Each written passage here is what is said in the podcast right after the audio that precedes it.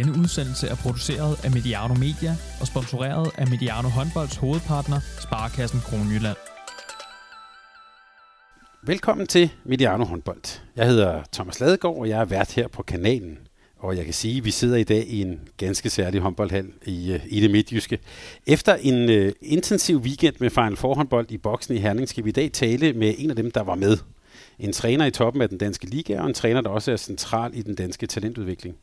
Simon Sørensen, velkommen til Mediano Håndbold. Tak skal du have. Og tak fordi vi måtte komme og besøge dig her i, uh, i Jysk Arena. Der, er, vi kan sige, at der er børn her, og der er også nogle, nogle små børn inde ved siden af. Der er det emmer af håndbold. Du er assistent for Patrick Vesterholm her i BSO og landstræner for U18-herrene. Og øh, ja, et langt CV. Du har ført skive for første division op i ligaen, og du har været assistent for Jakob Rasmussen i Aarhus håndbold. Det skal vi også høre om, Simon. Ja. Øh, men nu her efter sådan en weekend og på sådan en træningsdag som i dag, hvordan er, hvordan er humøret? Hvordan har du det her efter weekend? Nå, men øh, lidt øh, presset stemme det, man skal jo råbe højt, når man er ude et sted, hvor der lige sidder 10.000 mennesker. øhm, men ellers så... Jamen, det var jo en, øh, en, en weekend med først en stor nedtur fra vores øh, side. Vi havde glædet os rigtig meget til den her weekend, der skulle spille den her semifinal mod GOG. Havde sat os op til, at nu skulle vi øh, endelig slå GOG efter mange forsøg. Vi har brugt Silkeborg efterhånden, så det ikke lykkedes at slå GOG, og det havde vi sat næsen op efter. Nu skulle det ske efter to tætte kampe i grundspillet i år. Og det må vi jo så bare sige, efter syv minutter, så var vi jo jamen der var vi jo kilometer langt fra at, at kunne gøre nogen som helst god figur i den kamp, desværre. Øhm, så det krævede lidt opsamling på, øh, til den efterfølgende kamp søndag, hvor vi så synes trods alt, at vi slap, øh, slap godt derfra. Og ja, selvom at, at at man ikke får så meget mere fra en, en oplevelse af, at vi kunne gøre det bedre, end det vi gjorde øh, lørdag, så, så var det vigtigt for os i hvert fald at få sat et aftryk af, at, at det vi lavede lørdag, det var vi ikke tilfredse med. Og det synes vi også, vi fik vist øh, søndag, til trods for, at det var sådan lidt en, det er sådan lidt en speciel kamp, når man har været sat helt op over flere uger til, nu det den her kamp, der tæller, og så, så fiser det hele lidt ud efter syv minutter. Men jeg synes, jeg synes vi kom derfra med en, en fornemmelse af, at det kunne vi godt være bekendt lørdag taget i betragtning. Vi har nogle gange her på kanalen talt om bronzekampe, bare sådan i det hele taget. Jeg tænker, en bronzekamp, det der Final Four, ja, hvordan er det at spille den? Jamen, det, det, det er altså, det, det er jo sådan, at nu har man spillet sig dertil, at man er kommet til en semifinal, og det er jo der, man vil være, og man vil gerne til finalen. Når man så ikke kommer til finalen, så, så tror jeg, at alle har sådan lidt, at man er skuffet, men man, men man blev også, øh, det, det tror jeg også, at Mors var, selvom det er to klubber, der er lidt forskellige steder, så tror jeg hurtigt, man blev enige om at sige, at jamen nu er vi her. Øh, der er så mange andre hold, der rigtig gerne vil have været her også, og, og nu skal vi have det maksimale ud af det for at komme videre herfra, og, og det synes jeg også, vi fik vist, og det synes jeg også, Mors vist, at det var en kamp, der blev gået til den. Selvfølgelig var det måske ikke den mest øh, sådan, skønmæssige håndboldkamp at kigge på, men der var masser af intensitet, øh, og at det er jo lidt sted det, vi kan forlange af vores spillere, når vi står på dag to. Det er, at man må bringe den intensitet, øh, der er tilbage på sådan et, et dobbeltdags, øh, to-dages arrangement.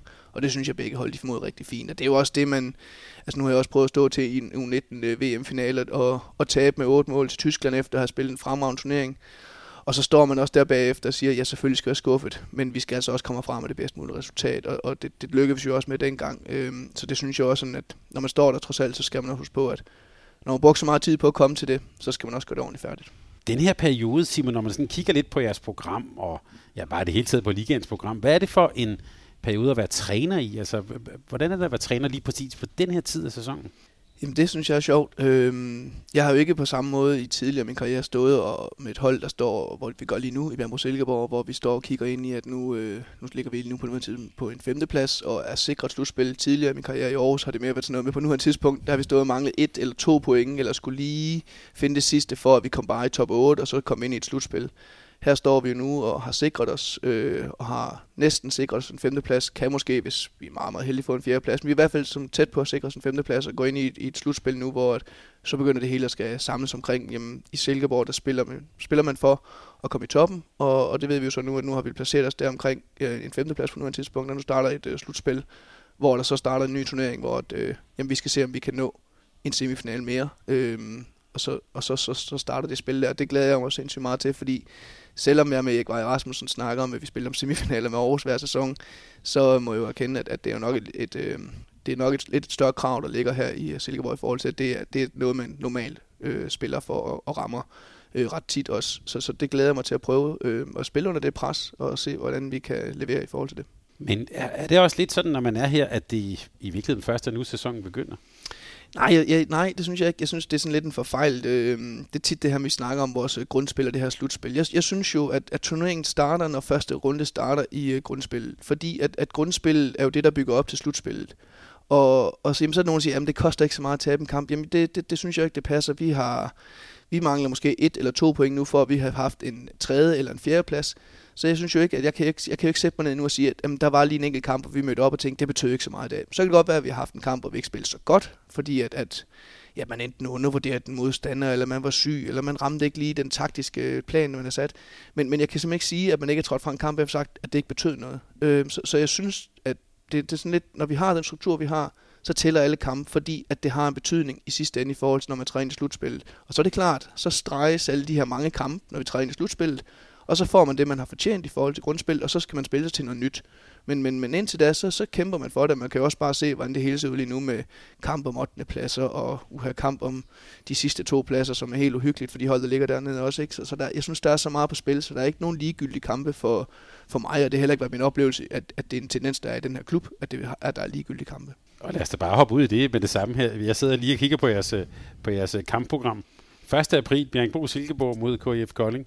Ja, Jamen, øh, vi mangler minimum et point for at sikre os en femteplads, og den femteplads, den øh, giver højst sandsynligt noget kvalifikation til Europa, og det er jo et stort mål for, for en klub som Silkeborg. Så, så vi møder samtidig et hold, som kæmper for nedrykning, som har utrolig meget at spille for, og det er jo, og det er jo et, samtidig, synes jeg, også et rigtig godt hold. Det er lidt speciel situation, at de står der, hvor de gør. Så der bliver helt sikkert kamp omkring pointene. Øhm, og vi skal også være klar til med den her turnering, vi har, at, at der, vi ved aldrig, hvad der sker. Det ser ikke ud som om nu, at vi lige nu kan overhale Skanderborg og Aarhus.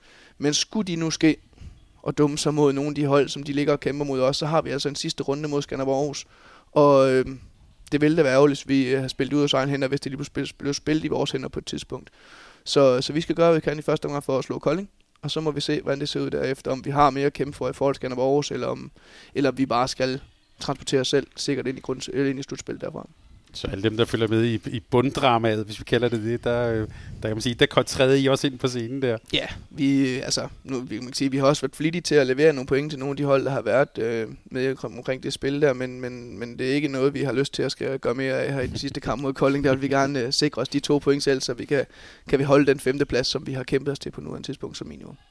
Men hvis vi lige ser tilbage til weekenden, og i virkeligheden måske også ser lidt frem til slutspillet, øh, så en semifinal mod, mod GOG, som I har forberedt jer på rigtig, rigtig længe. Hvordan ser du, hvad kan man sige, styrkeforholdet der med, nogen vil jo tale om, at GOG og Aalborg, de er stukket af og sådan noget. Hvordan, hvordan, hvordan tænker du det? Øh, jamen, når man kigger på grundspil, så er de jo stukket af. Og jeg synes også, at de har præsteret på et meget højere niveau, og det er også de to hold, som ikke har haft ret mange af de her kampe, hvor man kan sige, at de, de lige har haft en smutter øh, som, som ja, det, jeg synes også, det er flat, måske kalde en smutter, men, men det er jo lidt det, man, sådan, man har jo tit snakket om de her fem store hold i Danmark, øh, som, som så i år måske ikke helt har været de fem store hold, der har været de to. Og der har de bare været stærke, men, men jeg vil omvendt også sige, at vi har spillet øh, fire kampe mod dem i grundspillet, tabt en gang til Aalborg med et mål, øh, hvor vi førte en 6-7 stykker, øh, og de fik vendt hovedbolden, ved øh, den kamp fuldstændig på hovedet lige pludselig med 7 6. Ja, så vandt vi omvendt en fuldstændig mærkværdig kamp op i Aalborg, som, jamen det, det burde jo ikke kunne lade sig gøre, men det kunne lade sig gøre øh, på dagen. Og så har vi tabt to gange med et mål til GOG, øh, hvor den sidste kamp taber vi, hvor vi har overtalt det sidste angreb. Så, så, så, så jeg siger, vi træder jo ikke ind i et, i et slutspil og tænker, at dem kan vi ikke slå, fordi det har vi vist, at vi, at vi kan være tæt på med GOG. Alt er taget betragtning i forhold til weekenden selvfølgelig, og vi kan slå Aalborg. Så, så, så, så der er ikke nogen hold, vi ikke kan slå. Men om man har vi så desværre også vist, at der er, hold, er ikke nogen hold, vi ikke kan tabe til. Og det er, jo den, det, er jo den, det er jo den bund, vi skal få hævet, sådan at vi ikke ender med at stå lige pludselig også og tabe. Men når man ser sådan en, en semifinal, som, som den I spiller mod, mod, mod GOG, hvad, hvad er så egentlig, ja, han har sagt, hvad er forskellen?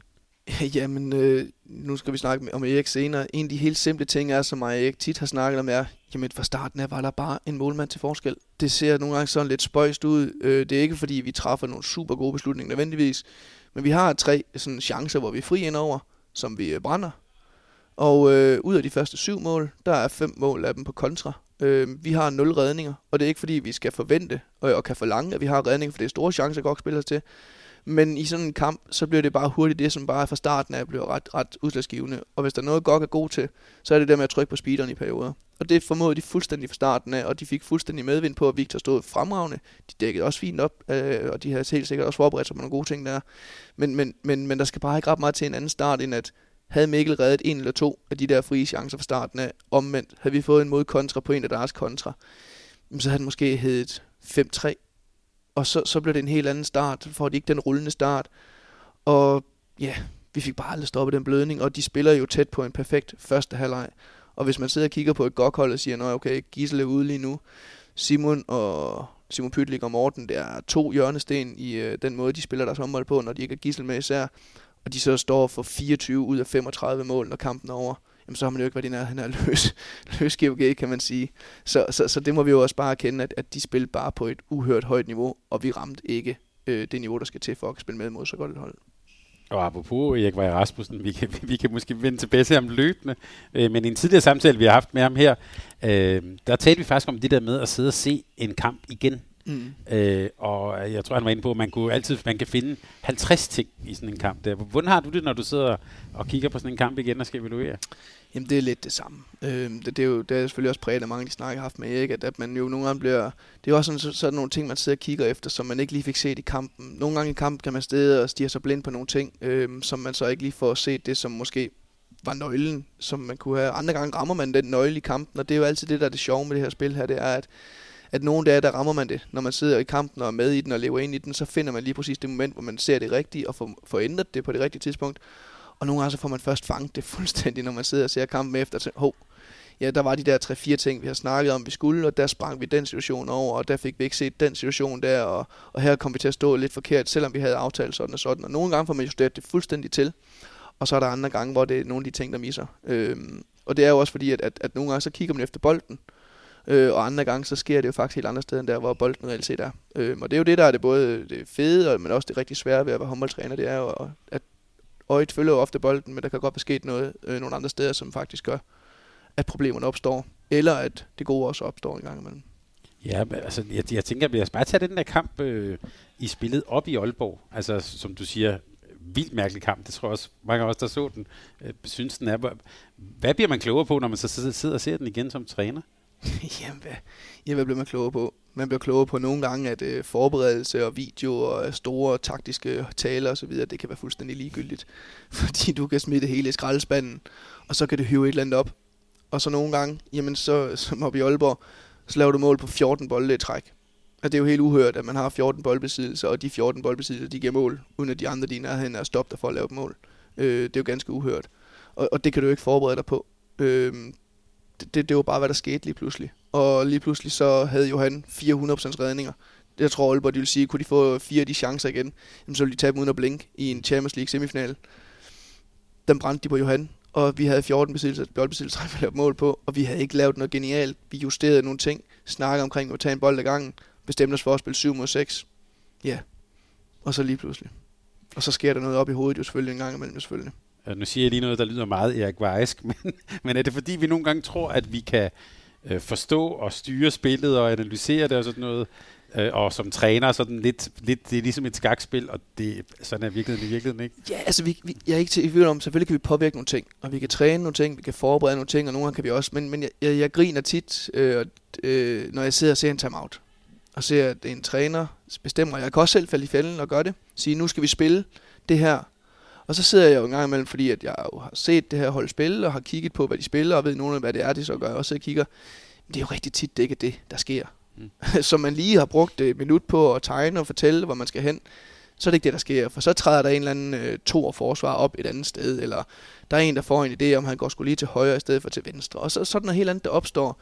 Så det der, som man tror en gang imellem, man er hands-on på, altså det er jo ikke altid det, der er virkeligheden. Det, det er det nogle gange, men der er så også rigtig, rigtig meget, som bare sker. Øh, sikkert fordi det er trænet og øvet, men det er ikke nødvendigvis, fordi man lige har stået og sagt, at det sker. Øh, så, så det, jeg synes ikke, at vi altid som træner kan tage det der. Vi kan styre mange ting, og vi kan træne rigtig mange ting, men vi kan altså ikke altid helt styre alligevel, hvad der sker på banen, for vi ved ikke, hvad modstanderne gør. Hvordan har du det med det som træner? Er det frustrerende, eller er det faktisk det, der er det fede? Det er jo en præmis. Ja. Øhm, nu, når man også arbejder med unge spillere, så prøver man jo selvfølgelig på at, at hjælpe dem hen i en retning af, at de kan se nogle forskellige ting, øh, kan få en forståelse af, når du går til højre, og din stregspiller, han står for eksempel til venstre for dig, så har det betydning det her. Men det er jo ikke ens betydning med, at du så skal vælge den chance. Du ved bare, at det har den her betydning, og så skal du kan træffe et valg nu. Øhm, og jeg tror faktisk, det der med at kan træffe det valg, er det, der er det afgørende for, hvor gode de kan, øh, kan blive. Øhm, og også når vi ser de her topspillere, jamen selvfølgelig er der noget af det, som er aftalt. Men de er bare så, de bedste spillere er bare så dygtige til at kan selv kan træffe de her valg. De konstaterer, nu går han frem, og jeg ved, når han kommer frem her, så har jeg to muligheder, tre muligheder, og jeg har truffet valg om, at jeg søger den mulighed nu. Og så kan jeg øh, aflyse den mulighed, hvis jeg konstaterer, at det bliver ikke til noget, eller jeg kan gøre den færdig, hvis det så bliver til noget. Og det er sådan det, jeg synes, der sådan er essensen af, at det vi kan hjælpe dem med, det er at kan give dem de muligheder, vi kan sætte dem op for dem, men de skal i sidste ende selv kan, kan træffe og have taget en beslutning om, at nu er det det her, jeg skal gøre, og jeg har set og konstateret, at det er det, der sker foran mig. Og det synes jeg, det der er super interessant, og man kan hjælpe dem med det, og kan få spillerne derhen, at de så også kan være med til at træffe de beslutninger. Og det er ikke ens med, at jeg ikke tror på, at man ikke kan forberede sig og træne mange ting. Jeg tror bare ikke, vi skal være så naive og tro, at det er os, der styrer det i sidste ende, når alt kommer til alt. Vi bringer de her udsendelser i et samarbejde med vores partner Sparkassen Kronland, og dem skal vi lige høre fra her. Line Havsted. Mia Højlund. Jeg hedder Lise Burgaard. Hej, jeg hedder Jesper Jensen, landstræner for håndbolddamerne. Håndboldakademiet er for dig, der gerne vil blive en bedre håndboldspiller, og for dig, der bare ikke kan få nok af håndbold. Få øvelser og tricks fra andre håndboldspillere, og mød både tidligere landsholdsspillere og andre håndboldkoryfæer, og hør deres historier fra liv i håndboldhallen. Du finder Håndboldakademiet på YouTube, like videoerne og abonner på kanalen, og tryk på den lille klokke, så du er altid opdateret med de seneste videoer. Simon, vi sidder her i, øh, i Jysk Arena hos, øh, hos øh, Bjergbro Silkeborg håndbold øh, BSH. Hvordan, hvordan har det været for dig at komme til klubben her? Det har været, det har været, det er noget, jeg har været rigtig, rigtig glad og stolt over at få lov til at få muligheden for. Jeg er jo oprindelig Bjergbro dreng, og har trådt mine ungdomsår i hjemme i Bjergbro FH, tidligere Bjergbro HK, dengang, det, før det blev, dengang der var to, plads til to klubber i så lille en by som Bjergbro øhm, og har trænet ungdomshold i Bjergbro, inden jeg skulle i gang med at læse. Så har fået muligheden for for det første at komme til at træne øh, og arbejde i den klub, som, som er lidt af min barndomsklub, og samtidig få lov til at træde ind i en klub, som har de her, øh, de her fantastiske rammer og, og også store ambitioner, selvom at vi godt lige nu ved, at der er nogle klubber, som måske øh, er, er lidt foran på, på noget kontinuitet og på noget økonomi, så jeg, bare, jeg føler mig bare privilegeret over at få lov til at arbejde i sådan en, øh, en spændende klub. Og det her som gammel Bjerringbro-dreng, hvordan, hvordan, hvordan ser man så på, ja, på BSH eller på overbygningen, om, om du vil? Jamen det er jo klart, det er jo to forskellige ting. Øh, for jeg i sin tid var en lille dreng, der rendte rundt i Bjergbro Hall, og det hed Bjergbro FH, der spillede i ligaen, og var, ja, var en enkelt gang i en DM-finale mod, øh, mod Kolding, øh, hvor de blev til sølv, og, og, hvor det var det, hvor det var en forening. Så er det her jo en, en altså det her, det er jo en, en arbejdsplads, det er jo en, det er jo en stor motor på den måde, at, at der sidder nogen, en organisation bag på den her måde. Der, det er jo ikke forankret i en forening på den måde. Der er nogle grene, der går ud til noget forening. Men i vores dagligdag er vi jo lidt isoleret væk fra det. Øhm, fordi at vi, der, der træner vi og spiller på nogle tidspunkter, hvor vi ikke har den kontakt. Og det kan man selvfølgelig godt savne en gang imellem, fordi det synes jeg også er specielt.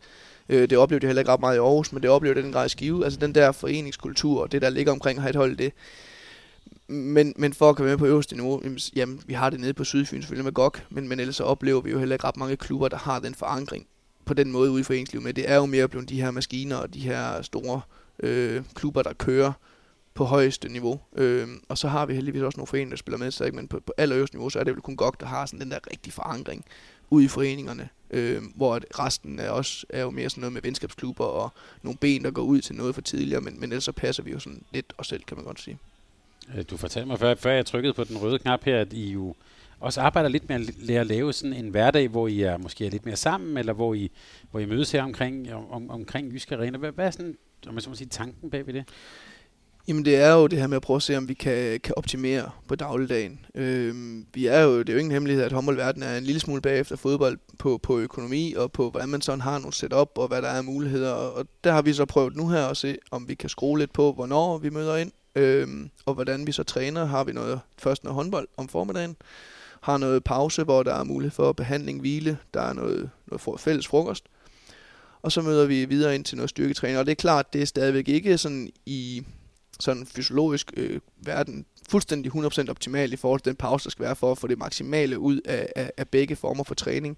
Men det er i hvert fald tættere på, i forhold til bare at køre træning ud i en smør, hvor man kan sige, jamen så får man trænet, men får man reelt set det maksimale ud af, af det, man kan få ud af det. Og der, der prøver vi at optimere så meget som overhovedet muligt, inden for de rammer, der nu er muligt, for det er klart, det kan godt være, at, at det vil skabe endnu mere rammechance, hvis vi øh, sagde, at vi møder ind klokken 7 i morgen for at styrketræne, og så holder vi 5 timers pause, hvor vi sidder sammen, og så træner vi først igen sidst på eftermiddagen eller hen på aften, fordi det er faktisk det, der giver mest mening rent fysiologisk.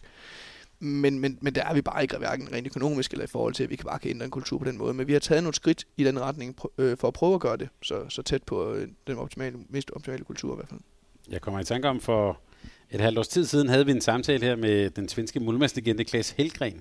Og han sagde, at hvis, hvis han kunne bestemme, så ville han lave det til altså, et rigtigt arbejde. Altså, jeg tror, han sagde sådan noget 9 til 17. Eller, Ja. er, er, skal vi måske også ændre lidt på måden, vi tænker på det at være professionel håndboldspiller på? Men jeg tror, hvis vi, skal, hvis vi skal op på en endnu højere hylde som professionel, så tror jeg, at vi skal retænke det en lille smule. Øh, men det er klart, det, det, er jo, det er jo svært, fordi i, i håndboldverdenen har vi jo store dele af vores håndboldliga, hvor der faktisk er rigtig mange, som laver noget ved siden af at spille håndbold. Så det der med at, at, at, at bare trykke på den knap, det kan vi jo ikke, for så mister vi en masse øh, i svingen på den måde. Øh, og man kan også bare kigge i vores første division, der er det jo endnu mere gralt. Øh, så, så, så det vil være få hold, der kunne gøre det. Og jeg synes jo, de få hold skal prøve at trække i den retning på en eller anden måde. Og så kan det jo være over tid, at, at, at vi stadigvæk kommer til at optimere på det hele i forhold til økonomi og sådan nogle ting. Så jeg synes, det er noget, man skal prøve at arbejde hen imod, øh, for at optimere og få så meget ud af det som overhovedet muligt. Men, men, men vi skal også bare bevidst omkring, at det ikke er alle, der har de muligheder. Nu har jeg selv prøvet at stå i Skive, hvor vi mødte ind klokken 5. Øhm, og der kom folk direkte fra arbejde, og der var også nogle spillere, som blandt andet Mads der kom herfra fra BSH til Skive i sin tid. Det var jo, øh, han gjorde det fantastisk, og han kæmpede med alt, hvad han kunne. Men han trådte jo lige pludselig ud fra den her dagligdag, som jeg står i nu, øh, og skulle til at have et øh, job, og fik fri fra arbejde klokken halv fire, kørte til Skive, og, og skulle så til at træne håndbold. Og når vi ramte torsdag, så kunne jeg jo altid bare se på Mads, at så var han altså ved at være træt. Og, og fuldt forståeligt, fordi det, og jeg har den største respekt for de klubber der, fordi det er vanvittigt hårdt, og det er så fantastisk at se, at de kan skrabe så mange point, sammen taget betragtning af, hvad det er for en hverdag, de faktisk ligger og kæmper med kontra os andre, som kan møde ind kl. 9.30 og træne og sidde og spise og slappe af, og så træne igen, og så tage hjem, og så holde fri. Det, øh, det, det vil være sundt nok for nogen af dem at vide, at, at der faktisk er noget på den anden, der arbejder så hårdt for det på den anden måde. Men er det, tror, tror du, vi får, ja, han har sagt, for mere af det? Er det altså, bliver det også nogle konkurrenceparametre, vi kommer til at se? Ja, jeg tror, at alle klubber prøver på at trykke på de knapper og optimere mere nu. Øh, altså, der hvor man kan, og det, det ved jeg også for eksempel i Skive i forhold til dengang jeg var der, der, der er også sket meget nu. Øh, man prøver også på at trykke, kan man træne lidt tidligere, kan vi komme lidt før fra arbejde, kan vi finde nogle enkelte dage, hvor vi måske kan både også nå at styrketræne og træne halvtræning sammen. Så det ikke kun bliver det her med, at I skal passe jer selv med styrketræning, fordi sådan har det været tit i sådan nogle af de her klubber, som ikke har haft de der ressourcer, så må I selv lige finde tid til styrketræning. Og så ved man jo også godt, så er der nogen, der gør det, og så er der også nogen, der ikke får det gjort. Mm. Og der, der, der tror jeg, der er rigtig mange, der hele tiden prøver på lige at se, om kan vi lige skrue en lille smule, så vi lige optimerer en lille bitte smule. Lidt ligesom vi prøver her, jamen så prøver man jo for den målstok, man nu er ude i de klubber, at skrue så meget som overhovedet muligt inden for de rammer, hvor det nu er okay, fordi det skal jo også kan hænge sammen, fordi øh, de spiller som nogen har børn, øh, nogen har både øh, job og børn, og nogen har bare et job eller studie, samtidig med at de skal spille håndbold, så det, det skal de jo selvfølgelig have respekt for. Simon, jeg kunne godt tænke mig at tale lidt om den der assistentrolle, som du har her, fordi du er jo både assistent her på, øh, på, på, på det mandlige U18-landshold, er det, jo, er det jo dig, der bestemmer, om jeg så må sige. Du har været assistent for Erik Vej Rasmussen, nu er du assistent for Patrick Vesterholm. Måske skulle jeg bare lige starte med at spørge, vi har jo talt med Erik Vej et par gange her på kanalen. Hvordan var det at være assistent for ham? Det var, det var faktisk fantastisk på mange måder. Øh, jeg holder virkelig meget af Erik og har den største respekt for ham. Øh, jeg glemmer aldrig første gang, jeg havde møde med Erik om sådan, hvor vi var enige om, at jeg snakkede selvfølgelig med Jan Nielsen i sin tid, som var direktør, og som, det var ham, der tog kontakten, og så skulle jeg snakke med Erik. Og der gik mange dage, før han fik ringet til mig. det, den var lige på blog, den var ikke lige på bloggen. Øhm, og så lige pludselig der ringede han, og så snakker vi lidt frem og tilbage, og så, det han sidste, han får sagt til mig, der bare, du skal bare vide, du kommer til at have det. Og, og, og, det, og, og der, han pakker jo ikke noget ind, fordi at han, han, han, han, han prøvede sådan set bare at forberede mig på, at jeg skulle ikke bare regne med at komme ind, og så bare komme til at få lov til at bare gøre, ligesom jeg har lyst til. Øh, fordi han var vant til at gøre tingene på hans måde. Og, og det så jeg sådan set bare som en udfordring. Og, og så finder man jo bare ud af, at, at det er bare et fuldstændig fantastisk menneske, som har så meget viden og kærlighed til håndbolden. Det, det tror jeg ikke, man, når man sidder udefra og ser på det, øh, så tror jeg slet ikke, man har, får det billede af det nu, og du sidder og snakker med Erik, så får man det billede af, om du kender også fra andres ting. Men der er bare der er så meget viden og så meget kærlighed til den sport, som det, det er fuldstændig fantastisk at få lov til at gå op af og opleve. Øh, og det er, jeg tror ikke, jeg, jeg tror ikke over det, jeg siger, jeg tror ikke, der findes nogen, der er i nærheden at, at træne og agere som ham, som håndboldtræner i Danmark. Jeg ved ikke, hvad der er ude, udenlandsk, men jeg tror ikke, der er nogen, der er i nærheden at være på den måde, som han er. Og det, øh, det havde jeg kæmpe meget respekt for. Der er mange ting, hvor vi ikke var enige, øh, men, men, men, men det har vi også respekt for i forhold til hinanden. Øh, så, så gav han plads til, at man kunne udfordre ham på det. Øhm, og det sjove med det var jo sådan, at den oplevelse med at, at, at udfordre Erik kunne være, at man tænkte en gang imellem, han ignorerer mig. Han gider simpelthen ikke at høre på mig. Og så kunne der gå en time, der kunne gå to dage, der kunne gå en uge. Og så kunne han lige pludselig komme og sige, det der du sagde der, det synes jeg faktisk, det er mega godt lad os gøre det. Eller han kunne også komme til at sige til mig, det var det værste møg, du nogensinde har sagt. Hvad fanden tænker du på? Men, men bare den der med, at, at der kommer aldrig bare sådan et umiddelbart svar. Jo, hvis det var helt gakket, så kunne han godt finde på at sige til mig. Men det der med, at man faktisk finder ud af, at han hører faktisk alt, hvad jeg siger. Men nogle gange så gik han bare og skulle lige tænke over det, og så kunne han komme og sige, det er mega fedt det der, det skal vi. Eller omvendt sige, det skal vi ikke, det er helt øh, på herrens mark. Og det synes jeg var vildt fascinerende, og jeg, ja, jeg har kæmpe, kæmpe meget respekt for ham, og, og, og jeg snakker heldigvis også stadig med ham. Og Men sådan en assistent, altså er det det der med, at ja, skal man, hvor, ja, altså, hvor enig skal man være? Altså er det faktisk godt, at, der, at I ser forskelligt på det, at I måske også er forskellige som personer? Eller? Ja, det, det, det er det jo til en vis grad, for man skal jo udfordre hinanden en lille smule. Det er selvfølgelig klart, at man skal, man skal også sørge for at trække samme retning, så truppen er klar over, at, at, at det er den her vej, vi går. Men med der synes jeg jo som assistent, at der assistentens rolle det er at være tro øh, over for sin uh, chef. Og hvis ikke man kan det, så skal man øh, sige op. Øh, for ellers skal man ikke være i det job. Så jeg synes, man skal være uenig i perioder. Man skal udfordre hinanden. Men man skal altid bakke fuldstændig op omkring sin chef. I forhold til, at det er ham, der har fakten. Og det skal der ingen, der skal være i tvivl om. Øh, derfor kan man godt være uenig, og man kan også godt have nogle snak med spillerne omkring nogle ting, og sige, jamen, det, det må I tage med, med den respektive, om det så var Patrick her, eller om det var Erik i Aarhus, øh, så må I tage det med ham. Øh, men, men, men, men når alt kommer til alt i forhold til ledelse og de beslutninger, man taget, så skal man bare bakke op som assistenttræner. Og så skal man ellers, skal man, og hvis ikke man bakker op, så skal man selvfølgelig tage den med ham, og så kan man jo tage den derfra, og så skal man finde ud af, hvordan man så bliver enig omkring det. Men, men hvis ikke man kan blive enig, jamen, så må man jo tage sit tøj og finde et andet sted at være. Og jeg synes jo så heldigvis, at jeg har kunnet lykkes med at, at være enig med Erik, øh, i sådan en grad, at det sagtens kunne lade sig gøre at arbejde sammen med ham, og det samme har jeg med Patrick. Og jamen, sådan havde jeg det også, da jeg var i Skive med, med de assistenttræner, havde jeg startet med at arbejde sammen med en Kurt Nielsen, mm. som jo også var et helt andet sted, end hvor jeg var. Øhm, der var jo nærmest 30 års forskel, og hvad han havde oplevet af ting og sager. Og vi var meget forskellige, men jeg lærte virkelig også at holde sindssygt meget af Kurt, og havde en kæmpe respekt også for alt det, han havde, så, så havde lavet, og, og han kunne, og jeg lærte også rigtig meget af ham. Øhm, så så det, det synes jeg bare er, er vigtigt, at man kan have den respekt for hinanden.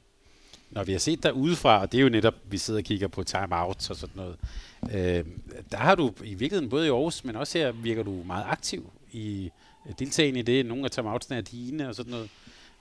Ja, hvordan er sådan den arbejdsfordeling, eller den måde, I ja, fordeler rollerne på? Jamen det tror jeg i hvert fald er noget af det, der er vigtigt for mig, er at jeg har at jeg føler, at jeg har den rolle, at min, at min her er det Patrick og i Aarhus Erik, at, at de synes, at jeg er dygtig nok til at kan tage det ansvar, at jeg kan åbne munden. Øh, det har været afgørende for mig, at jeg i de jobs, når jeg har sagt ja til at gerne være assistenttræner, at jeg føler, at jeg er træner, og ikke bare assistenttræner, men jeg simpelthen er håndboldtræner. Så ved jeg jo godt, at det er dem, der bestemmer, når der skal tages en, en afgørende beslutning. Men at jeg kan få lov til at bidrage øh, med den faglighed, jeg føler, jeg har, inden for, det område, inden for de områder, vi så har aftalt, at jeg må bidrage med, kan man sige.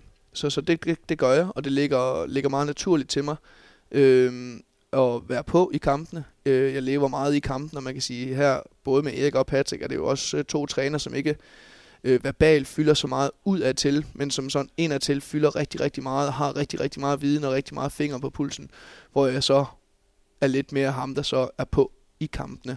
Og, og det er jo sådan en, en rollefordeling, der ligger i det. Øhm, og hvis jeg ikke skulle dem, så, så ville jeg jo skulle trække mig lidt mere tilbage, og så skulle jeg være ham, der havde den anden rolle lidt mere at sidde og, og tage små snakken og de her forskellige ting. Men det er bare sådan, det, det, det passer godt i de to klubber, jeg har været her på det sidste i forhold til assistenttræner, så derfor føler jeg mig heller ikke som en, der bare er i går sådan parkeret som assistenttræner, der kun må snakke med, med chefen omkring, hvad der skal ændres, noget, men at jeg faktisk er en del af, af teamet, og, og, og det er også afgørende for, at jeg kan rende rundt og være assistenttræner. Så skulle jeg være cheftræner den sted, hvis det var, at, at jeg ikke kunne øh, få lov til at, og også at, at udfolde mig, når vi både er til træning og er til kamp. Nu bliver jeg bare nysgerrig. Hvordan foregår det? Du møder Patrick Vesterholm, vi starter sæsonen op. Sætter man sig så ned og ligesom man laver sådan en forventningsafstemning, eller er det noget, der vokser frem? Ja, vi, vi, vi sætter os ned og starter med. Altså, det, er jo, det sker jo over en længere periode. Øhm, der dukker jo den her øh, samtale op med mig og Patrick lige pludselig på et tidspunkt for nogle år siden omkring, om, om det kunne det være på et eller andet tidspunkt, at vi skulle arbejde sammen. Øhm, og da den mulighed så opstår her i Bjørn Silkeborg, Patrick blev ansat, og jeg blev spurgt, om jeg ville øh, være med, så begynder vi jo stille og roligt at finde ud af, jamen, hvordan, øh, kom, hvordan finder vi ud af at lære hinanden bedre at kende, hvordan komplementerer vi hinanden bedst muligt, hvor er du stærk, hvor er du stærk. Øh, har haft nogle seancer også med en, øh, en, en sportspsykologisk konsulent, som har været inde og, og lave nogle test på os og sådan noget, så vi har prøvet sådan virkelig at lære hinanden så godt at kende som overhovedet muligt, inden vi startede op. Øh, og så har vi jo prøvet at derfra fordele tingene bedst muligt. Øhm, og så en gang imellem, så smider vi også bolden lidt op. Øh, vi havde en kamp nede i Sønderjyske her i midtugen i sidste uge, hvor at, øh, jamen øh, 20 minutter tilbage, så byttede vi rolle. Øh, og, og det er vi også meget bevidste omkring, at vi engang skal skubbe lidt til hinanden, for at vi ikke bare øh, fryser fast i de roller, vi har snakket om, for at vi også engang ryster tingene en lille smule.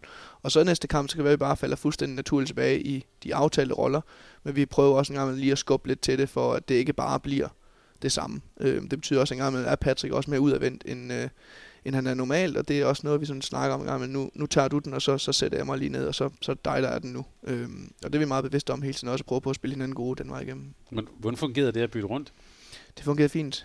Øhm, vi vandt, så det må jeg sige, det fungerede perfekt. Nej, det, jamen, jamen, det, jeg, jeg synes jo, det kan noget, og det synes jeg også, at jeg, jeg kan jo godt lide også, at at jeg også udvikler mig, og jeg føler også, at det gør også, at Patrick også får lov til at udvikle sig på, en, på altså vi, at vi gør det på nogle andre måder en gang imellem. Så sidder jeg i stedet for bare og kigger håndbolden, i stedet for at leve ind i kampen en gang imellem, og så oplever man kampen på en anden måde.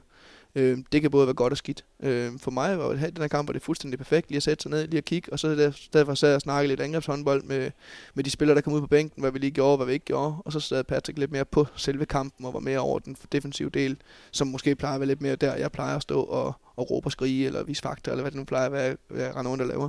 Så det, det synes jeg var rigtig, en rigtig fin måde en gang med lige at, at skubbe lidt til tingene. Kan du godt lide at være den der, ja, altså medleden også sådan, ja, rent, sådan rent fysisk, at være, blive med i kampen? Ja, yeah, jeg ved ikke om jeg, det er ikke noget, der, der betyder noget. Jeg, jeg tror faktisk, øh, når jeg er med ulandsholdet, så prøver jeg også en gang imellem at, at trække mig lidt fra det. Øh, der, der har jeg jo Mathias Albrechtsen med som assistent, og øh, nogle gange har jeg også sagt til Mathias, nu, nu tager du den lige, så sætter jeg mig lige, så skal jeg bare lige sidde og kigge, og lige have et overblik, eller vi står bare og snakker lidt omkring tingene, og så andre gange, så træder jeg ind i det igen. Så, så det er noget af det, jeg faktisk har lært, i, mens jeg var i Skive, kunne jeg ikke lade være med hele tiden at stå og fylde og være på, og stå og råbe og skrige, og hele tiden op der kan jeg meget bedre nu, øh, og det er også noget, det jeg har lært ved at arbejde sammen med Erik, og lærer det også nu ved at være sammen med Patrick. Altså det der med en gang at trække sig, øh, for pulsen helt ned, indtil jeg finder ud af, hvad er det egentlig, der sker inde på banen nu, så det er ikke først på video, man ser det bagefter. Øh, så så, så jeg, jeg kan godt lide begge dele, men det er klart, at, at det ligger umiddelbart mest naturligt til mig at være, være på i kampene. Men jeg kan også bare mærke, at for at kan virkelig få noget ud af 60 minutter, så skal man også en gang imellem træde ud af den der zone, hvor det bare er endofiner og op og køre hele tiden, fordi det er ikke altid rationelt i forhold til at set at se, hvad der sker foran en. Det lyder på mig også som en, øh, at du som en træner, der er blevet ældre, klogere, øh, ja, men det er, der, det er der ingen tvivl om. Altså, jeg var, jeg var 25 år, da jeg startede i Skive, og havde øh, ikke noget, der mindre om øh, ligaerfaring overhovedet, hverken som spiller eller som træner. Øh, så, så, der er jo sket rigtig, rigtig meget. Øh, og, og det skal der også stadig ske. Øh, nu er jeg 35, og jeg jeg skal stadig udvikle mig, jeg skal stadig finde nye nuancer, nye lag i forhold til både som leder øh, og som øh, på den faglige del. Der er hele tiden masser af ting, man kan, kan blive dygtigere til. Øh, det stopper aldrig. I hvert fald ikke for mig. Øh, fordi så, så skal jeg ikke være håndboldtræner længere, så skal jeg finde et andet erhverv, jeg skal give mig til. Så jeg skal hele tiden finde nye nuancer i forhold til, hvordan jeg kan blive en øh, dygtigere udgave af mig selv, i forhold til at være, i hvert fald være håndboldtræner. Er det på ledelsesfronten? Det er, på, det er på alle fronter, synes jeg. Det kan være fagligt. Nu, øh, en ting er at arbejde sammen med Erik og lære noget om, hvordan han ser håndboldspillet. En anden ting er at arbejde sammen med Patrick. Det er noget helt andet, rent håndboldfagligt. Og så har jeg jo nogle nuancer, nogle ting, jeg selv ser. Øhm, og der, der, det, det blander jeg i forhold til at, at, få en større forståelse for spillet hele tiden, og få nye øh, idéer i forhold til den. Og så er der også bare ledelse i sig selv. Øhm, og, og det er meget sjovt nu, når man har den snakker, hvad er en god håndboldtræner? Nu har vi jo lige to, øh, der, meget flot at blive kort til verdens bedste håndboldtræner, og meget øh, fortjent også. Men det er jo en, en meget sjov snak. Hvad er, hvad er den gode håndboldtræner? Jamen, hvis man først er i håndboldligaen eller landstræner, jamen, så, er man, så må man være en dygtig træner. Så er spørgsmålet bare, hvad er det så, man er dygtig til? Er man fuldstændig fantastisk håndboldnørd?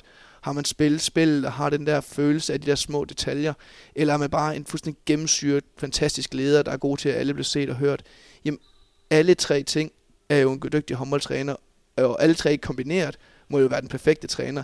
Det tror jeg bare ikke på, at det helt findes. Øhm, så jeg tror bare, at alle nuancer, hver især gør en god håndboldtræner, og så er det en gang imellem, passer man ind det rigtige sted. Jeg kan huske mig, at jeg ikke har grint rigtig meget over den her Carlos Ortega, der render rundt i Vestpræm og i en af verdens bedste klubber, kommer til Kolding, og det kan slet ikke fungere. Altså det er jo, det er jo helt ved siden af. Og nu render han rundt øh, i Barcelona efter nogle fantastiske år Hannover og man siger, jamen nogle gange så er det også bare med, passer tingene lige, passer tingene lige sammen. Det, det, er jo, det er jo helt absurd at sidde og sige, at Carlos Tega er en dårlig træner. Men, men det, var ret, det var ret dårligt, det der skete i Kolding på det tidspunkt. Men man må jo så sige, nu render manden rundt i Barcelona, så det er jo tvivlsomt, at han er en dårlig træner. Ikke? Altså, så det, det, det, er noget, det er noget sjovt noget i forhold til kultur og ledelse, faglighed, øh, og hvad det nu ellers er, der, der ikke spiller ind i forhold til at være en god håndboldtræner. Men det er måske meget interessant, du har jo med Patrick Vesterholm nu, selv en dygtig spiller, og også Erik Vejer Rasmussen måske, hvad kan man sige, næsten, han er næsten sådan symbolet på en, en håndboldlegende som spiller, der så bliver træner. Hvad er det for et perspektiv, som de har, når, med, hvis vi tager dem som, som med den spillererfaring, de har? Men det er jo noget, det er, det er jo en meget sjov diskussion, jeg har også nogle gange hørt her på, på, på kanalen, mm. det her med, øh, der er nogen, der har sagt, at man skal være spiller på højeste niveau, for at man kan være træner, og det har Stefan Madsen jo heldigvis vist, at man ikke behøver at være for at være på højeste, på højeste niveau, men der er ingen tvivl om, at når man har spillet selv, så har man en følelse og en fornemmelse af nogle ting på banen, som du bare ikke kan. Det kan du ikke lære dig til igennem bøgerne. Altså den der følelse af en fod, der har en retning et eller andet sted, en arm, der er i den her vinkel, eller en bevægelse til venstre, eller et skridt, inden du får bolden den vej. Den følelse, den, og den forståelse for det, den kan du ikke bare få ved at sidde og kigge håndbold. Øh, der skal du have det haft inde på kroppen, eller så skal du snakke med nogen, som har haft det inde på kroppen, i forhold til at få en forståelse af, hvad det er. Det kan du ikke bare sidde og afkode ved at se video og video og video og sidde og se bunkevis af kamp. Den følelse skal du ind på kroppen, eller så skal du snakke med nogen, der har haft den følelse ind på kroppen, for at få en forståelse af, hvad det er. Og det, det, det, det, det er jeg fuldstændig vist omkring, at det, det kan de, øh, og det er de meget, meget dygtige til end mig. Og derfor så prøver jeg også at stjæle alt, hvad jeg overhovedet kan for sådan nogle typer, og suge til mig. Og om ikke andet også bevidst om at skal alliere mig med sådan nogle typer, for at kan komplementere måske et område, hvor jeg ved, at det, det, det kommer jeg aldrig til. Fordi jeg har aldrig spillet en EM-slutrunde, eller vundet en DM-titel som spiller, eller noget i den stil. Jeg skal kunne nogle andre ting, og så skal jeg lære så meget af det der som overhovedet muligt, og ellers skal jeg komplementeres bedst muligt i forhold til den der individuelle del, som, som de er på et niveau. Og det er klart, og det gælder jo også det samme for vores landstræner, der er han jo også fuldstændig ekstremt dygtig på den detalje øh, i forhold til den del af spillet. Og, og, og det har jeg kæmpe meget respekt for, og jeg er også fuldstændig bevidst omkring. Det kan jeg ikke øh, på samme måde, men jeg kan tillære mig mange af tingene, hvis jeg er nysgerrig i forhold til at snakke med de folk, som har prøvet det. Og det har jeg jo også hørt Krighav snakke om nede i GOG, altså det der med at have tidligere Thorsten Lagen og nu også Morten Olsen og sådan noget. Det, det, det kan vi ikke, øh, fordi vi ikke helt, helt, har stået helt på den hylde, men vi kan lære det, hvis vi er nysgerrige og, og, og spørge ind til og holde øje med, hvad det er, de render rundt og laver. Vi kan også bare sige, at nogle af de største trænere i historien, der gælder om dem. Nogle har spillet, og nogle har ikke. mm. så tror jeg faktisk bare, vi kan sige det. Hvis du bare lige, sådan skal, lige før grundspillet er færdigt, og, og, og, og bare lige skal gøre en lille status. Hvad har det egentlig hvad har det været for en, for en sæson? Ja, både for jer, men også når du bare kigger på ligaen. Øh, jamen, for ligaen har den jo været lidt forudsigelig på den måde, at, at GOG og Aalborg som man havde lidt inden sæsonen, var, var et stykke foran os andre. Så har der været en, øh, en masse fantastiske præstationer for nogle hold, som man måske ikke helt har regnet med. Altså jeg synes jo, altså Lemvi, det er Nordsjælland Randon, der laver lige nu. Øh, Ribe Esbjerg lige pludselig også øh, kommer i gang. Øh, der har været sådan en, en periode for hold, der virkelig har været stærk. Og så har der været nogle perioder, hvis man tager sådan nogle hold som os og Skjern, hvor at, jeg synes også, Skjern måske har ramt lidt mere kontinuitet over en periode, men hvor vi har haft nogle, nogle resultater, og tænker, så nu er de der. Og så lige et par kampe efter, så nå, nu var det der ikke alligevel. Men når man går ind og kigger på det alligevel, så kan man sige, mm, det er så marginalt fra, at, at vi måske kunne have haft 5-6 point mere. Øh, Skanderborg Aarhus kunne måske have haft 2-3 point mindre. De kunne også måske have haft 4 point mere, end det er det. Men når man går ind og kigger på det, det er jo ikke sådan. Altså, vi har jo en plusmålscore på plus 60 eller sådan noget. Så det er jo ikke, det er jo ikke sådan, at det er helt skidt. Jeg kan huske, at jeg læste en gang, jeg tror det var Rasmus Andersen, der skrev om øh, Newcastle i fodbold, der har haft en fuldstændig fantastisk sæson men, og de blev en femmer og var lige ved at komme ind i Champions League, men de endte med at komme ud af sæsonen med sådan, øh, hvad, plus to målscorer samlet over en hel sæson. Og sæsonen efter rykkede de ned. Og det viste sig jo, at, at det var jo fordi, at de har haft en fuldstændig fantastisk marginal sæson, hvor alt bare var tippet over. Og, og, og der, der sad jeg jo med en følelse af, at vi måske lige nu, for vores vedkommende, har haft en, en sæson, som, hvor marginalerne bare ikke helt er tippet over. Og det er jo også fordi, det er et nyt projekt. Øh, jeg ved godt, der er mange spillere, der går igen for tidligere, men det er to nye træner, og de spillere, som er røgnet ud af nogle af dem fra toppen. Så derfor så, så er det forklaring. Det er ikke en undskyldning, øh, for det kan vi ikke bruge til noget, men det er en forklaring på, at vi en gang imellem har skudt lidt ved siden af skiven, men vi, vi ved også bare, når vi kigger på det, at jamen, nede i Nexe, hvor vi ryger ud af Europakoppen, der er vi et, et, et udebanemål, altså vi spiller uafgjort samlet set, men vi er et udebanemål fra at ryge Europakoppen. De har lige blevet nummer to i deres pulje i, øh, i Europakoppen og skal spille videre, og vi har haft 6-7 kampe herhjemme, vi har tabt med et mål. Så det, så, så det, er, det er så marginalt i forhold til, at det kunne have set fuldstændig vanvittigt ud. og nu ser det bare sådan okay ud, at vi ligger femmer og har tabt en øh, pokal semifinal og blevet træer der. Det ser okay ud, men det er ikke sådan, at man tænker, wow, det ser bare mega godt ud for BSH på noget tidspunkt. Der er et stykke op til, til Aalborg godt lige nu. Og når man er i BSH og sidder med det logo, du gør på på din trøje, er det, og man skal starte et, nyt projekt, eller i hvert fald nogle nye ting, er det sådan en evig kamp med tiden? Altså, øh, for ja, I vil gerne have tid, men man forventer også, at BSH, der er nogle særlige forventninger. Det er det. Øh, vi kan jo ikke blive ved med at sidde og sige det, øh, at ah, men det er også en proces, og det skal vi heller ikke gemme os bag det. Også jeg siger, at det er heller ikke en undskyldning. Det, det, det er bare lidt en forklaring på det, men det er klart, at den, den, det skal jo blive bedre hele tiden. Men det er jeg faktisk heller ikke så nervøs for, at det ikke bliver. Øh, det skal jeg også sige, ellers så skulle jeg jo gå ned til Jesper og sige, at det er nok ikke mig, du skal have med i det her projekt her, hvis ikke jeg tror på det. Så, så, så jeg er sikker på, at vi nok skal få løftet det op til, til et endnu mere stabilt niveau, end der, hvor vi er lige nu. Øhm, og, og, og det kommer til at tage lidt tid, men jeg håber på, at vi stille og roligt i, i slutspillet øh, rammer noget mere. Og ellers så, så kommer vi ud af det her med en masse erfaringer for, for at lukke den her sæson ned, når vi er kommet dertil. Forhåbentlig med minimum semifinale i, øh, i banken. Og hvis ikke der er det, så, så skal vi jo analysere på, hvordan får vi så løftet det op til et niveau højere til næste sæson. Og der har vi jo i hvert fald endnu mere kontinuitet i forhold til, øh, til nogle af de spillere, som har spillet rigtig mange minutter for os i år. Så, øh, så jeg er sikker på, at vi nok skal få løftet det op på et, på et endnu højere niveau, end det, hvor vi er nu. Og Simon, nu prøver jeg at lave en rigtig flot overgang i podcastverdenen til dit øh, værv som U18-landstræner. Og min bro over til det skal være, at også her i BSH er der jo også et øh, intensivt talentarbejde. Det virker udefra at set som om, det er noget, der bliver skruet op for. Der er også kommet øh, flere unge spillere øh, for, for mere og mere spilletid på, li, på ligaholdet. Hvordan tænker I øh, talentudvikling her i BSH? Øhm, vi tænker det sådan, at vi skal være med til at tage ansvar for talentudviklingen. Øhm, vi er i et område, hvor vi lige nu repræsenterer Bjergbro, øh, vi repræsenterer Silkeborg, og det skal vi tage ansvar for. Øhm, så det, det, det prøver vi på ved, at det, det har klubben prøvet ved. Det startede jo inden jeg startede klubben ved at starte først et øh, uh, U19-projekt op, hvor man slog uh, kræfterne sammen mellem Bjørnbro og Silkeborg, som tidligere har været to klubber jo, som faktisk har, har kunne køre det ganske glimrende selv.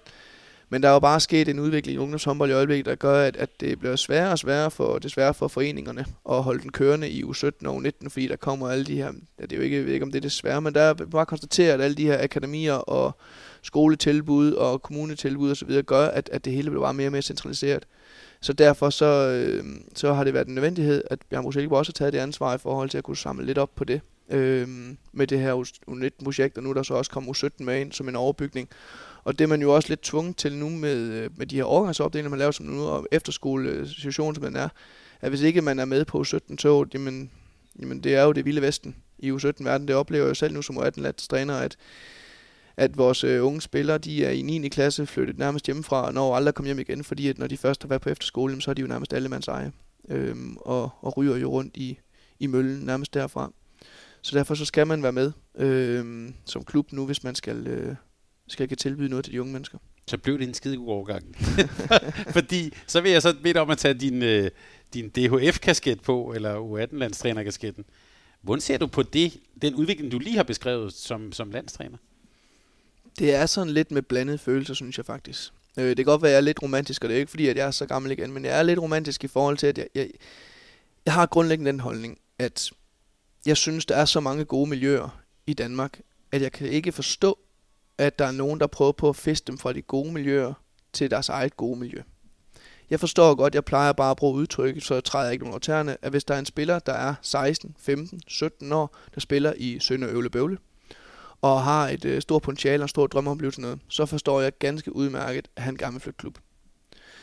Så kunne jeg jo bare godt tænke mig, at han kunne nøjes med at bare skulle flytte den halve halv time øh, til, til det nære miljø, som så har den, det niveau. Og det synes jeg faktisk, der er mange klubber, der har. Øh, I Sønderjylland nu har Sønderjyske bygget noget op, så der er faktisk noget, man kunne spille i i Sønderjyske nu, hvor der er lige præcis alle de forhold, som der også er i Skanderborg, eller i Bjergbro Silkeborg, eller i GOG, eller nu i Nordsjælland, i Aalborg, på Mors. Altså der er mange. Øh, tidligere har Randers, og Randers er også i gang igen, har også fint miljø. Så, så det der med at sige, hvad er et fint miljø? Jamen man kan træne 3-4 gange om ugen. Man kan få hjælp til styrketræning. Nogen har nogle psykologiske konsulenter, nogen har ikke, nogen har kostvejleder. Der er de her kommunetilbud i forhold til det. Der, hvor der er nogen, der adskiller sig lige nu, og hvor der er nogen, der er langt foran nogle andre, det er det her med, at der er nogle steder, hvor man kan bo og man har nogle rigtig gode forhold der, og det har jeg også kæmpe meget respekt for.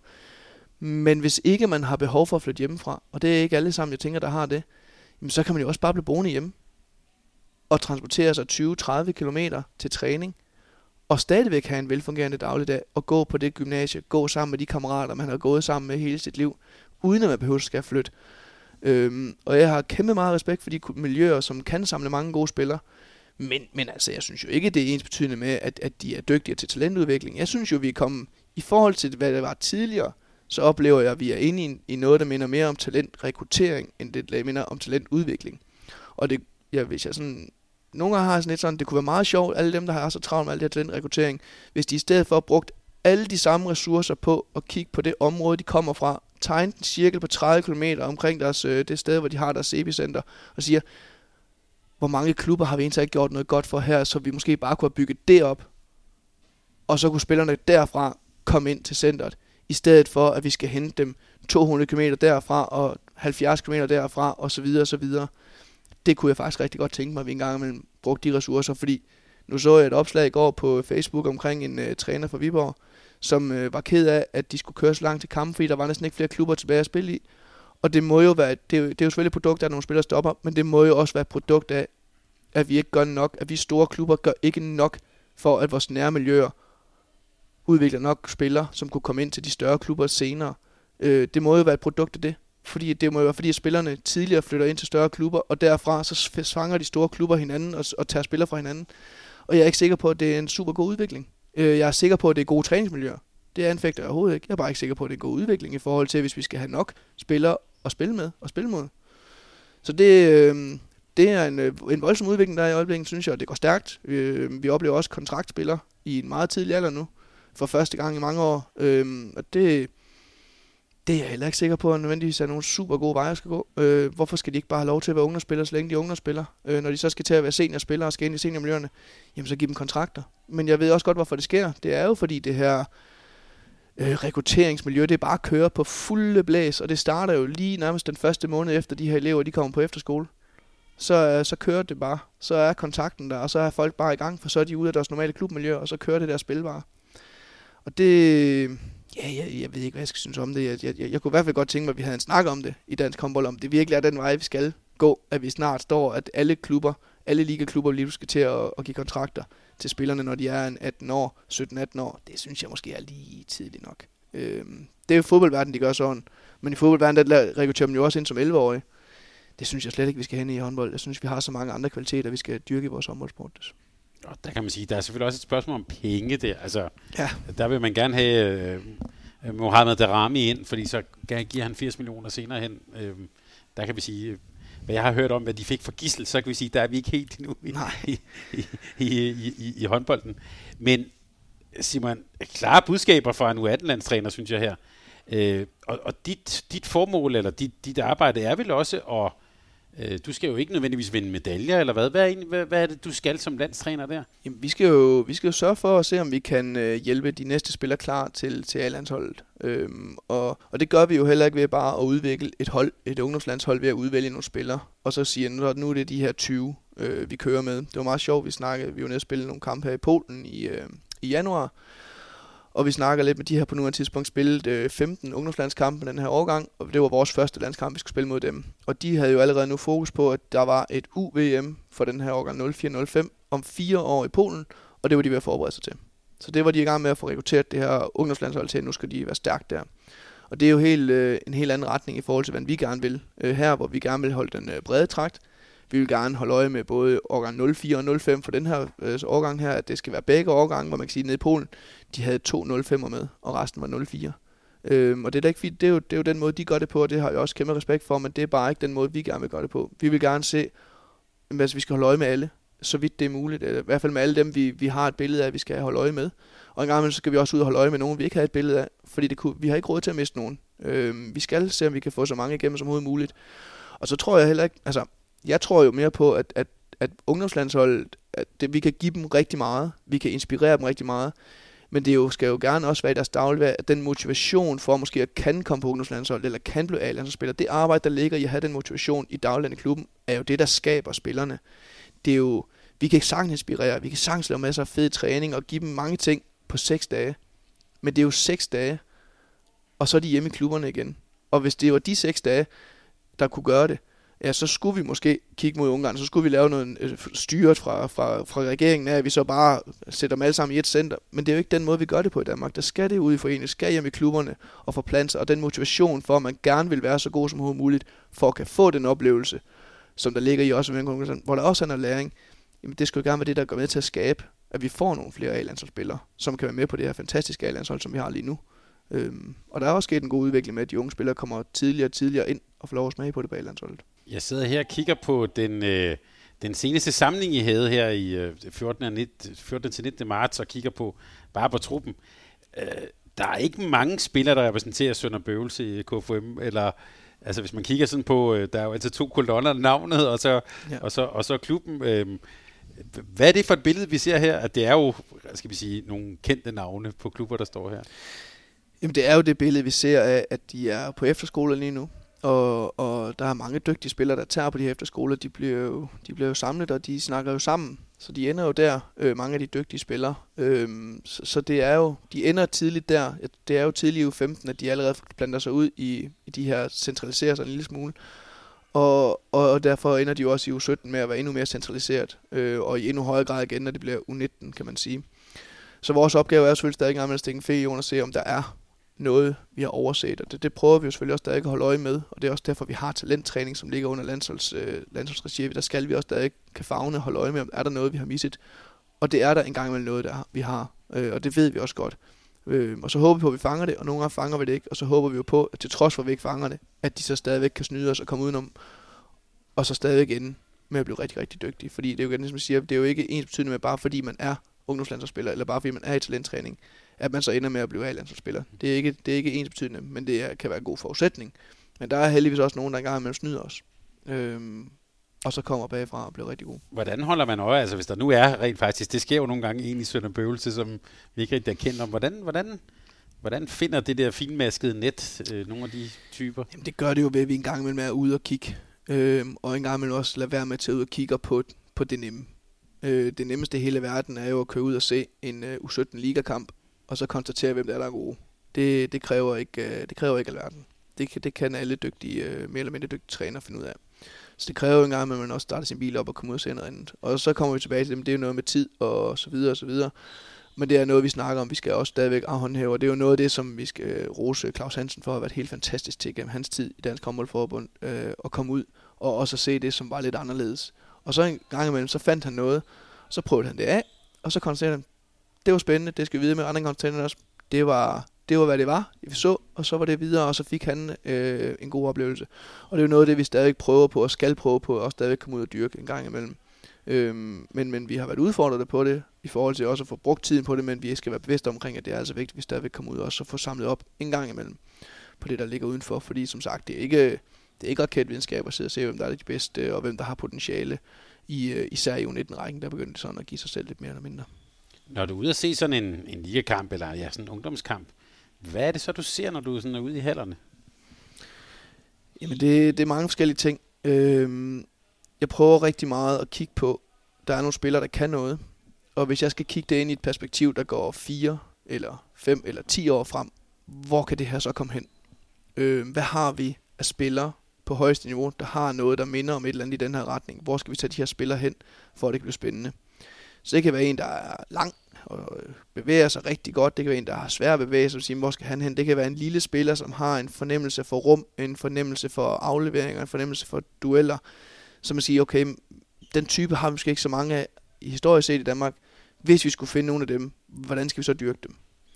Så det er sådan nogle ting, man hele tiden sidder og kigger efter, så man kigger sådan lidt, jeg bruger meget sådan øh, billeder for mig selv og siger, okay, nu ser jeg ham her, jeg har oplevet den her type spiller der, hvis jeg tog ham i hånden og tog ham med herind, måske kunne han komme over i den kasse og blive den her type spiller så.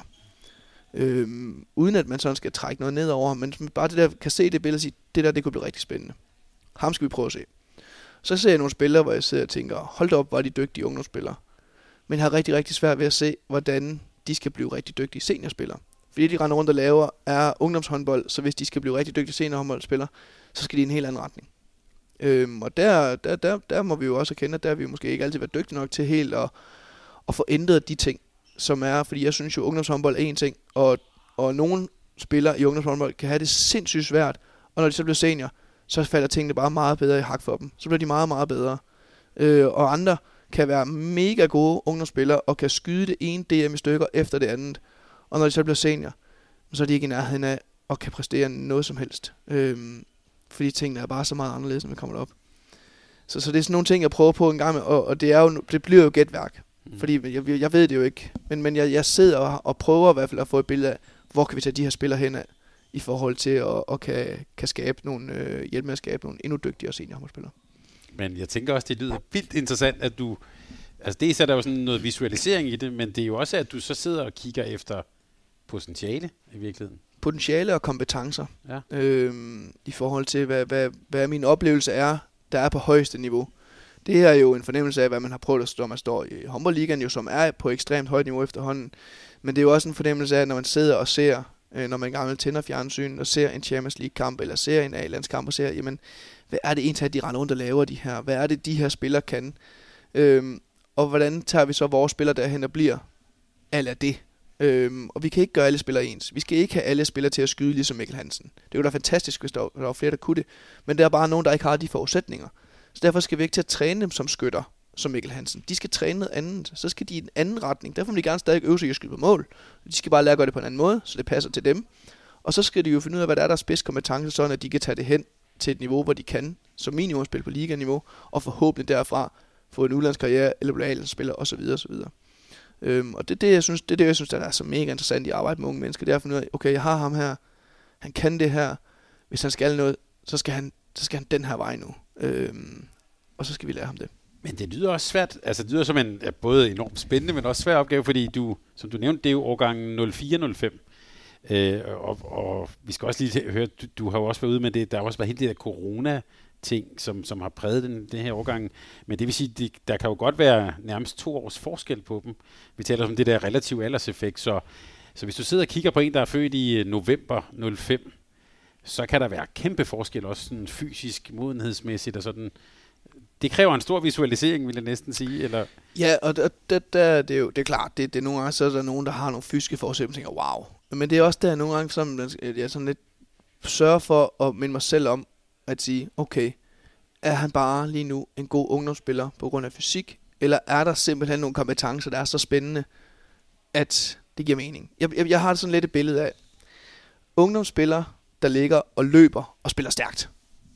Det, det er jo ikke sådan, at man spiller håndbold på højst niveau. Det er sjældent, man ser nu. Altså, jo, man løber kontra, man løber stærkt.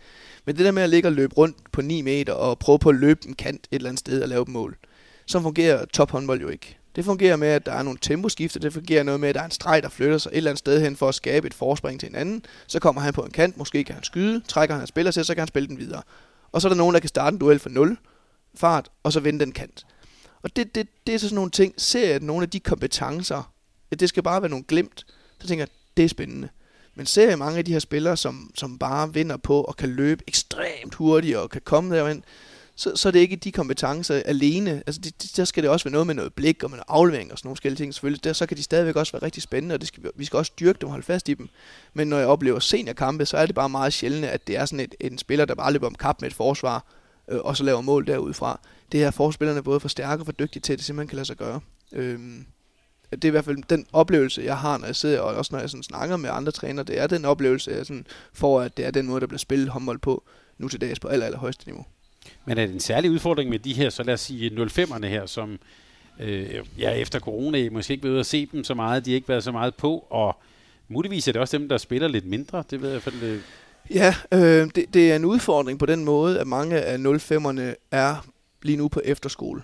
Øh, I hvert fald af dem, som vi har inde. Der er ikke så mange 05'er i, øh, hvis vi kigger på U17 øh, øh Liga, øh, U17 første division A, og faktisk også U17 første division B der er ikke ret mange 05'er. Øh, hvis ikke man kigger på efterskolerne, så er det sådan noget med, jeg tror det snitter to på holdene. Jeg var ude og se Elitekoppen der i sommer i, øh, i HI. Mm. Og det var ikke mange 05'er, der var ud over øh, det der hold, der var for Vejle Idræts efter skole. Øh, så var det jo en sporadisk en to-tre stykker max på hver hold. Det er selvfølgelig klart, det var, vi, det var jeg meget bevidst omkring, da vi startede sæsonen op øh, med det her. Så derfor lavede vi også i november den her 05 samling, hvor det kun var for 05'erne. Det var jo faktisk en normalt set en landsholdssamling, som skulle have været for årgang 04-05. Men i og med, at 05'erne på det tidspunkt overhovedet ikke havde været med i noget på grund af corona, så havde jeg brug for at sende et signal om, at vi, øh, vi ved, I er der. Så derfor udtog vi jo også de der plus 60 05, og det var ikke til en landsholdssamling. Det kan godt være, at det hed en landsholdssamling, fordi det var en landsholdsuge, men det var en, en, en, en opsamling for dem, både for deres skyld, for at vise, vi ved, I er der, men også for min egen skyld, for at få et endnu mere større indblik. Fordi en ting er at tage ud og se nogle kampe, og se nogle træninger, eller hvad man vælger at gøre. Der får man et blik af, at man ser nogle spillere, altså det her visualiseringsnød. Men det der med at stå med dem to dage i gang, vi skiftede ud tre gange øh, af et par 20 spillere. Det der med at få den her fornemmelse at stå med dem, lave noget træning, få en idé om, okay, det er cirka her, vi er. Og så ved vi 04, de er i talenttræning, dem kan vi se, det er cirka her, de er. Men så havde vi allerede fra starten af, i hvert fald der, et okay blik. Jeg siger ikke, at vi har det fulde overblik, men vi har et okay blik ind i, okay, hvor er vi henne?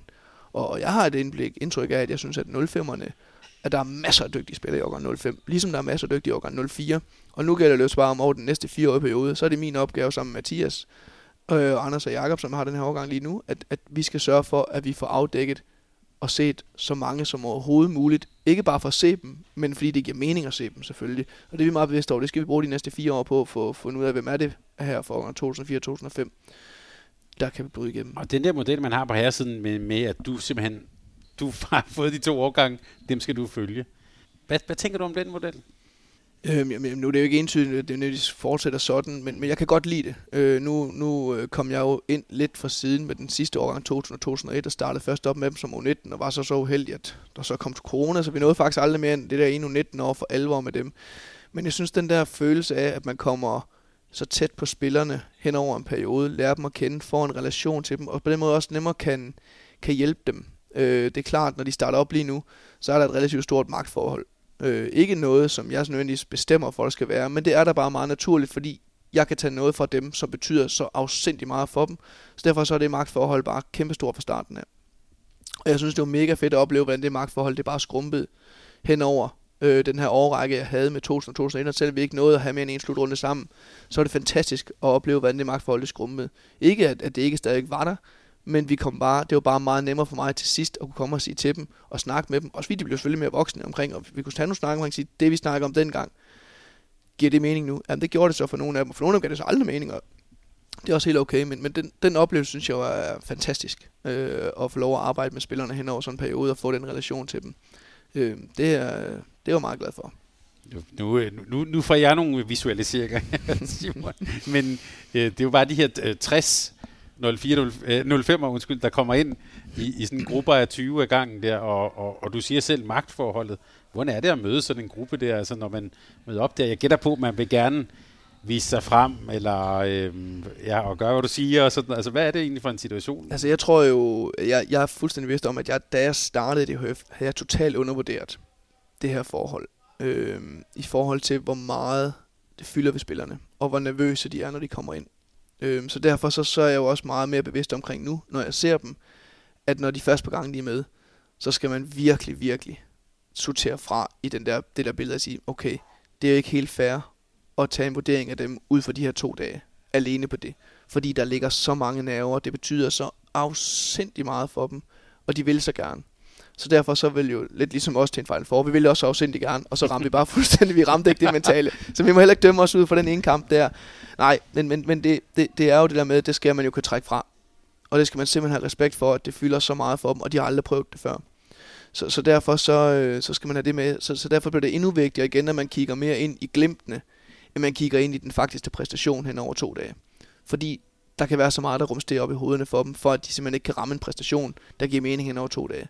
Så derfor så er det mere de der igen til visualiseringen omkring de glimt, man ser et eller andet, man tænker, hold det op, det der, det kan blive mega spændende. Og så kan det være, at man konstaterer om, om et par år, at okay, det var bare nogle glimt, de kan slet ikke sammensætte det til mere en større kompleksitet end det. Og, og heldigvis så er det jo så også andre gange, okay, de glimt, det giver bare den der samlede, wow, det her det er bare en spiller, der kan gå den her vej, han kan det her og det her. Det bliver mega fedt. Det skal vi arbejde videre med. Og apropos assistent, du har jo så Carsten Albrechtsen med der. Øh, nej, det hedder han ikke. Mathias. Mathias, ja. ja. Sorry. det er Carsten, det er faren. ja. Det er godt, vi kan klippe. Måske gør jeg det ikke. Men du har Albrechtsen med der. øhm, men apropos assistent, er I, øhm, er I enige om det, I ser? Altså hvis man siger glimt, visualisering, øh, potentiale? Nej, ikke, ikke nødvendigvis. Øh, og mange ting er vi. Øh, men, men, men vi er heller ikke enige altid. Vi diskuterer også spillere frem og tilbage. Er det ham, eller er det ikke ham? Og skal vi gå den her vej, eller skal vi ikke gå den her vej nu? Øh, så det udfordrer vi også hinanden på. Men, men, øh, og det skal vi også, fordi eller, det må ikke bare være mig, der har sandheden på en hel årgang. Øh, og jeg skal også lytte til dem, der er talenttræner. Hvis de har nogle indvendinger i forhold til nogle spillere, de synes, der er spændende, så skal vi også diskutere det. Og jeg skal så sandelig også engang med lytte til nogle øh, klubtrænere. klubtræner, fordi at, igen, som jeg siger, de har dem i dagligdagen. Og så kan det være, at de har en oplevelse af noget, og det skal jeg lytte til. Og så skal jeg jo tage en beslutning omkring, om jeg så vil gå den retning med det, de siger, eller om jeg vil gå den retning med det, som mig og Mathias så ender med at blive enige om. Og det skal jeg jo i sidste ende selvfølgelig, men, men jeg lytter gerne, fordi jeg skal ikke stå som øh, Cæsar, eller et sted vel tommeltotten op eller ned, over en hel årgang. Øh, det, det, det er et fælles ansvar, vi har. Øh, og det er også det, jeg siger før, at det er jo ikke de der landsholdssamlinger i sig selv, der alene udvikler spillerne. Det er jo det kæmpe arbejde, der ligger i klubberne. Så derfor skal vi også lytte til klubberne, øh, hvis de har noget, de kan melde ind med en gang imellem. Og det var et eller andet sted også det, jeg synes, det var så fedt med den her, det vi gjorde med 05'erne. Vi kunne jo ikke nå at se de 05'er så meget. Altså det, det, de startede jo op med turneringen i september, og der var et, øh, et elitestævne der i august, så derfor var vi jo nødt til simpelthen at spille bold med klubberne, vi var nødt til at spille bold med kredstræner og talenttræner osv. Der, det synes jeg bare, det var en, for mig en mega fed oplevelse faktisk at opleve, hvor mange interessante der faktisk havde noget at byde ind med. Øhm, og lad os da bare få mere af det. Øhm, sådan at vi sammen kan hjælpe med at, at, at de her, få de her spillere frem. Og Simon, her til sidst, øh, nu får du det helt store spørgsmål. Øh, vi har jo her på kanalen også talt om, at dansk herrehåndbold, for, for så vidt også kvinderne jo står historisk stærkt.